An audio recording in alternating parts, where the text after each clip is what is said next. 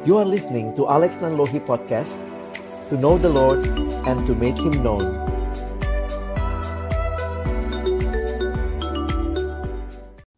Shalom Mandirian Kita bersyukur kepada Tuhan boleh kembali beribadah kepadanya dan mengawali ibadah kita sebelum kita membaca dan merenungkan firman Tuhan. Mari kita berdoa. Bapa di dalam surga kami bersyukur untuk kesempatan yang Tuhan berikan untuk kami boleh bersama-sama beribadah kepadamu. Kami akan membuka firman-Mu, kami mohon ya Tuhan, bukalah juga hati kami. Jadikanlah hati kami seperti tanah yang baik, supaya ketika benih firman Tuhan ditaburkan, boleh sungguh-sungguh berakar, bertumbuh, dan juga berbuah nyata di dalam kehidupan kami. Berkati baik hambamu yang menyampaikan dan setiap kami yang mendengar. Tuhan tolonglah kami semua. Agar kami bukan hanya menjadi pendengar-pendengar firman yang setia. Tapi mampukan dengan kuasa dari rohmu yang kudus. Kami dimampukan menjadi pelaku-pelaku firmanmu. Di dalam kehidupan kami. Bersabdalah ya Tuhan. Kami umatmu sedia mendengarnya. Di dalam satu nama yang kudus. Nama yang berkuasa nama Tuhan kami Yesus Kristus, kami menyerahkan pemberitaan firman-Mu. Amin. Mandirian yang dikasihi dalam Tuhan Yesus Kristus, tema perenungan kita pada siang hari ini adalah bersama memasuki new normal. Situasi new normal yang kita sedang masuki saat ini, termasuk yang Bapak, Ibu, Saudara telah lalui saya mendengar bahwa sejak 26 Mei di Bank Mandiri ada yang masuk secara bergantian, maka kita melihat ini sebuah situasi yang sama-sama kita hadapi. Mari kita melihat apa yang firman Tuhan nyatakan secara khusus bagi kita saudara-saudara seiman di tengah-tengah situasi new normal seperti yang kita hadapi saat ini. Kita akan membaca firman Tuhan di dalam Ibrani pasalnya yang ke-10 ayat 24 dan ayat yang ke-25. Ibrani 10, 24 dan 25 saya bacakan bagi kita. Dan marilah kita saling memperhatikan supaya kita saling mendorong dalam kasih dan dalam pekerjaan baik. Janganlah kita menjauhkan diri dari pertemuan-pertemuan ibadah kita seperti dibiasakan oleh beberapa orang. Tetapi marilah kita saling menasehati dan semakin giat melakukannya menjelang hari Tuhan yang mendekat. Situasi yang dialami oleh jemaat yang disurati oleh penulis kitab Ibrani memang bukan menghadapi new normal seperti yang kita hadapi, tetapi ada situasi-situasi yang berat yang sulit yang dihadapi sebagai jemaat yang waktu itu karena iman mereka kepada Tuhan mungkin mengalami penganiayaan dari pihak orang-orang yang tidak senang dengan kehidupan kekristenan pada waktu itu. Dalam situasi yang sulit, di dalam situasi yang dihadapi, apa yang dinasehatkan oleh penulis kitab Ibrani sangat jelas yang kita perhatikan di dalam ayat 24 dan ayat yang ke-25. Dan marilah kita saling memperhatikan supaya kita saling mendorong dalam kasih dan dalam pekerjaan baik. Mandirian yang Tuhan Yesus kasihi, di dalam terjemahan bahasa Inggris digunakan istilah and let us consider how to stir up one another to love and good works. Menarik sekali memperhatikan ada kata consider karena itu di dalam terjemahan bahasa Indonesia salah satunya yaitu terjemahan sederhana Indonesia menerjemahkan ayat 24 sebagai berikut. Oleh karena itu, marilah kita semua berpikir, consider, berpikir bagaimana kita bisa saling mendorong dan saling mengingatkan untuk berbuat kasih dan melakukan hal-hal yang baik. Mandirian yang Tuhan Yesus kasihi, manusia diciptakan sebagai makhluk sosial. Itu bukan sekadar teori sosiologi, tetapi itu adalah rancangan Allah yang indah. Setelah Allah menciptakan manusia, Kejadian pasal 1 mencatat manusia begitu luar biasa, lalu Allah mengatakan baik, baik, baik sampai kemudian sungguh amat baik. Kejadian 2 ayat 18 pertama kali di Alkitab kita muncul kata tidak baik. Dituliskan di dalam kejadian 2 ayat 18 Tuhan Allah berfirman tidak baik kalau manusia itu seorang diri saja. Jadi sekali lagi rancangan bagi manusia sebagai makhluk sosial yang membutuhkan sesamanya bukanlah sekadar teori sosiologi belaka, tetapi merupakan rencana dan kehendak Allah bagi umat manusia. Kita saling membutuhkan satu sama lain. Memang ketika kita melihat kejadian tiga mencatat dosa, begitu mengerikan. Membuat manusia terpisah dengan Allah dan bukan hanya itu, manusia pun terpisah satu sama lain. Manusia di dalam keegoisannya merasa dirinya lah segala-galanya, bukan Allah, bahkan sesama juga menjadi sesuatu yang tidak dibutuhkan. Kalau kita melihat bagaimana Adam menyalahkan istrinya Hawa, lalu kemudian kejadian pasal 4 mencatat seorang abang tega membunuh adiknya sendiri. Sebuah realita yang mengerikan ketika manusia yang begitu indah diciptakan dalam relasi. Di dalam dosa menjadi manusia yang saling membenci, saling dengki, saling iri hati, dan bahkan saling membunuh. Tetapi kita melihat hal yang menarik di dalam karya salib Kristus. Ketika kita diselamatkan oleh karya Kristus yang memberikan dirinya menggantikan kita membayar hukuman hutang dosa yang harusnya saudara dan saya tanggung. Maka kita melihat ada harapan pembaharuan di dalam relasi. Menarik sekali salib bukan hanya punya satu dimensi yang vertikal, ini menunjukkan bagaimana relasi manusia dengan Allah didamaikan, tetapi salib juga punya dimensi horizontal. Bagaimana hubungan manusia dengan sesama juga dipulihkan. Karena itu salib menjadi simbol yang menarik untuk orang Kristen ingat bahwa relasi dengan Allah didamaikan dan relasi dengan sesama juga mengalami pembaharuan dan pendamaian. Karena itu bagi kita anak-anak Tuhan, mandirian di dalam Kristus, kita punya pengharapan akan relasi yang dibaharui. Dan itulah yang kita baca tadi di dalam Ibrani pasal yang ke-10 karena itu penulis Ibrani mendorong jemaat yang sudah ada di dalam Tuhan, di dalam situasi yang sulit sebagai umat yang telah Tuhan tebus, Tuhan selamatkan, Tuhan perdamaikan, Tuhan perbaharui relasinya satu dengan yang lain. Dikatakan tadi, marilah kita saling memperhatikan. Dalam terjemahan yang bahasa Inggris tadi muncul kata consider. Berarti ada sesuatu yang harus dipikirkan disengajakan. Wah, saudara ini menarik ya. Bukan sekadar mengasihi biasa saja, tetapi benar-benar ada sebuah kehidupan kasih yang diusahakan, diupayakan. Dan ini menjadi hal yang harusnya menandai kehidupan percaya kita. Nah, mandirian yang Tuhan Yesus kasihi, kita sudah memasuki new normal yang sebenarnya situasinya masih tetap sulit karena belum ditemukannya vaksin.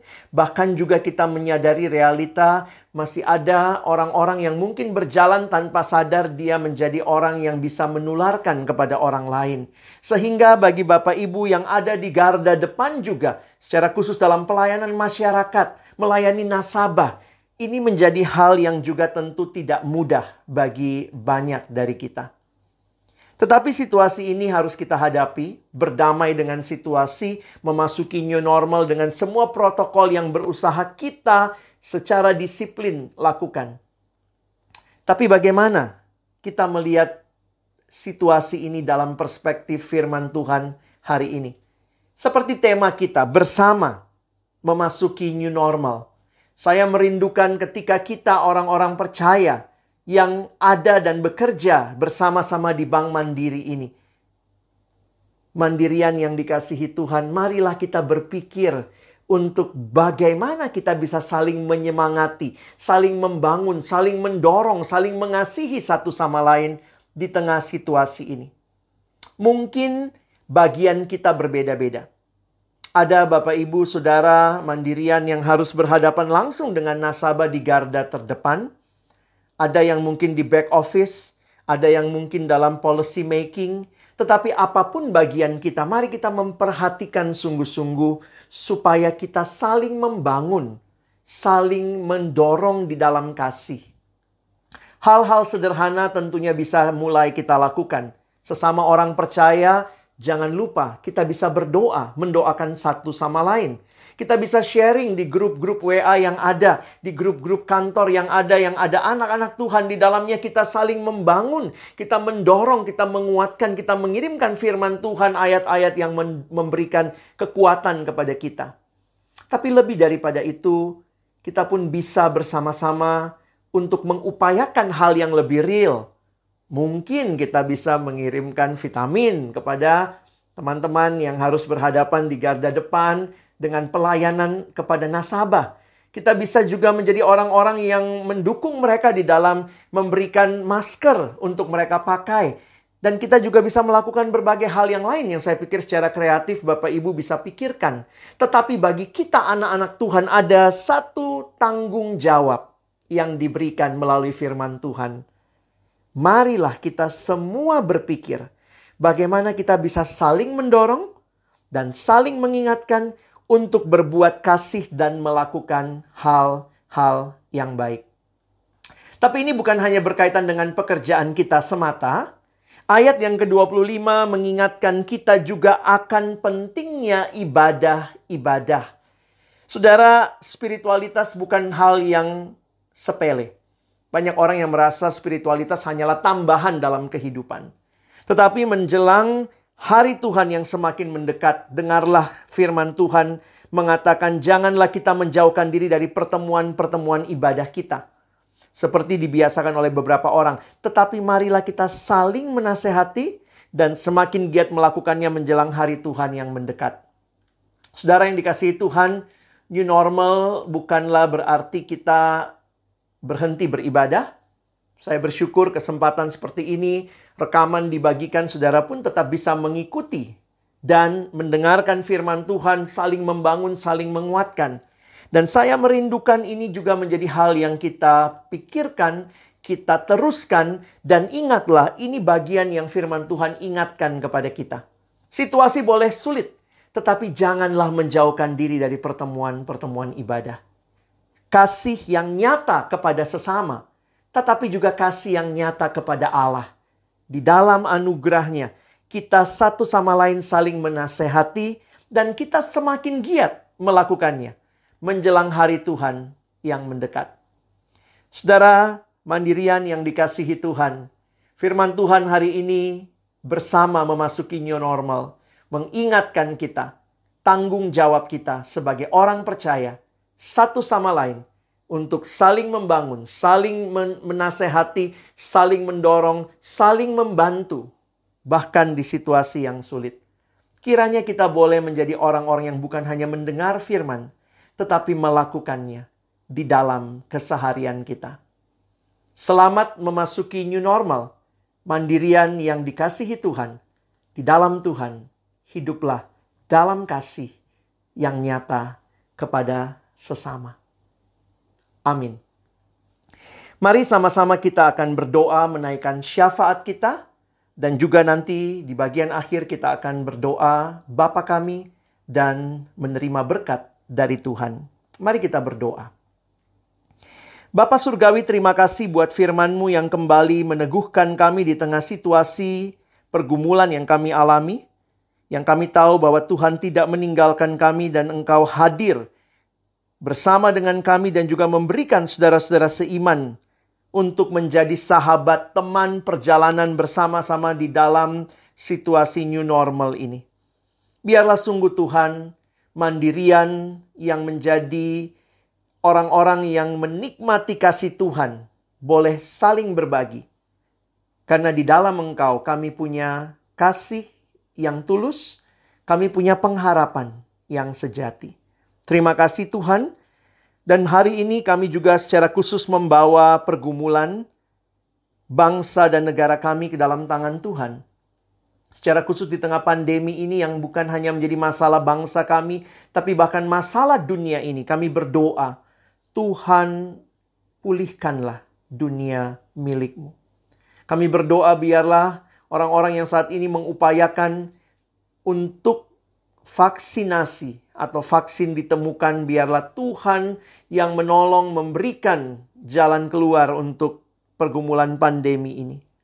Karena kami tahu bahwa ini bukan hanya menjadi masalah kesehatan, tetapi pandemi yang luar biasa ini telah menjadi masalah sosial, masalah ekonomi, masalah juga politik yang tidak mudah. Kami terus berdoa biarlah Tuhan menolong untuk pemerintah bangsa kami secara khusus mengambil kebijakan-kebijakan yang tepat untuk bisa memikirkan menghambat pandemi ini merebak atau semakin luas dan juga mengupayakan kesejahteraan masyarakat di tengah-tengah situasi yang sulit ini. Secara khusus terus menyerahkan untuk Bank Mandiri ke dalam tangan Tuhan di tengah-tengah situasi pandemi ini juga ada kebijakan-kebijakan yang diambil yang harus dilakukan dan kami berdoa Tuhan peliharakanlah semua mandirian di dalam anugerahmu. Kami berdoa untuk seluruh jajaran, direksi, untuk juga pegawai serta keluarga, dan juga untuk Bapak Kris, anak-anak Tuhan yang terus bersama-sama mengupayakan persekutuan bersama seperti ini. Kami berdoa biarlah satukan gerak langkah kami bersama untuk juga boleh melanjutkan setiap tugas tanggung jawab yang Tuhan berikan bagi kami dan bagi institusi Bank Mandiri secara khusus. Terima kasih Tuhan karena hari ini kami sama-sama boleh diingatkan kehadiran sesama kami saudara seiman. Biarlah boleh saling membangun, saling menguatkan. Dan pada akhirnya kami menyerahkan setiap aktivitas kami yang akan kami lakukan setelah ini, biarlah dalam segala hal yang kami lakukan, nama Tuhan yang dimuliakan. Sekali lagi kami bersyukur, berterima kasih, dan kami menaikkan seluruh doa syafaat kami ini di dalam satu nama yang kudus, nama Tuhan kami Yesus Kristus, yang telah mengajarkan kami berdoa bersama-sama. Bapa kami yang di surga, dikuduskanlah namamu, datanglah kerajaanmu. Jadilah kehendakmu di bumi seperti di surga. Berikanlah kami pada hari ini makanan kami yang secukupnya, dan ampunilah kami akan kesalahan kami, seperti kami juga mengampuni orang yang bersalah kepada kami. Dan janganlah membawa kami ke dalam pencobaan, tetapi lepaskanlah kami daripada yang jahat. Karena engkau yang punya kerajaan dan kuasa dan kemuliaan sampai selama-lamanya. Jemaat mandirian yang dikasihi Tuhan, arahkanlah hatimu kepada Tuhan dan terimalah berkat Tuhan.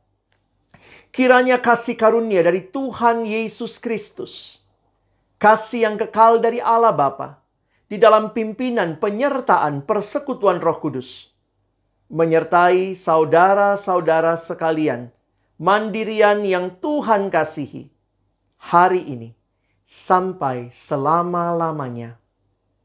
Amin.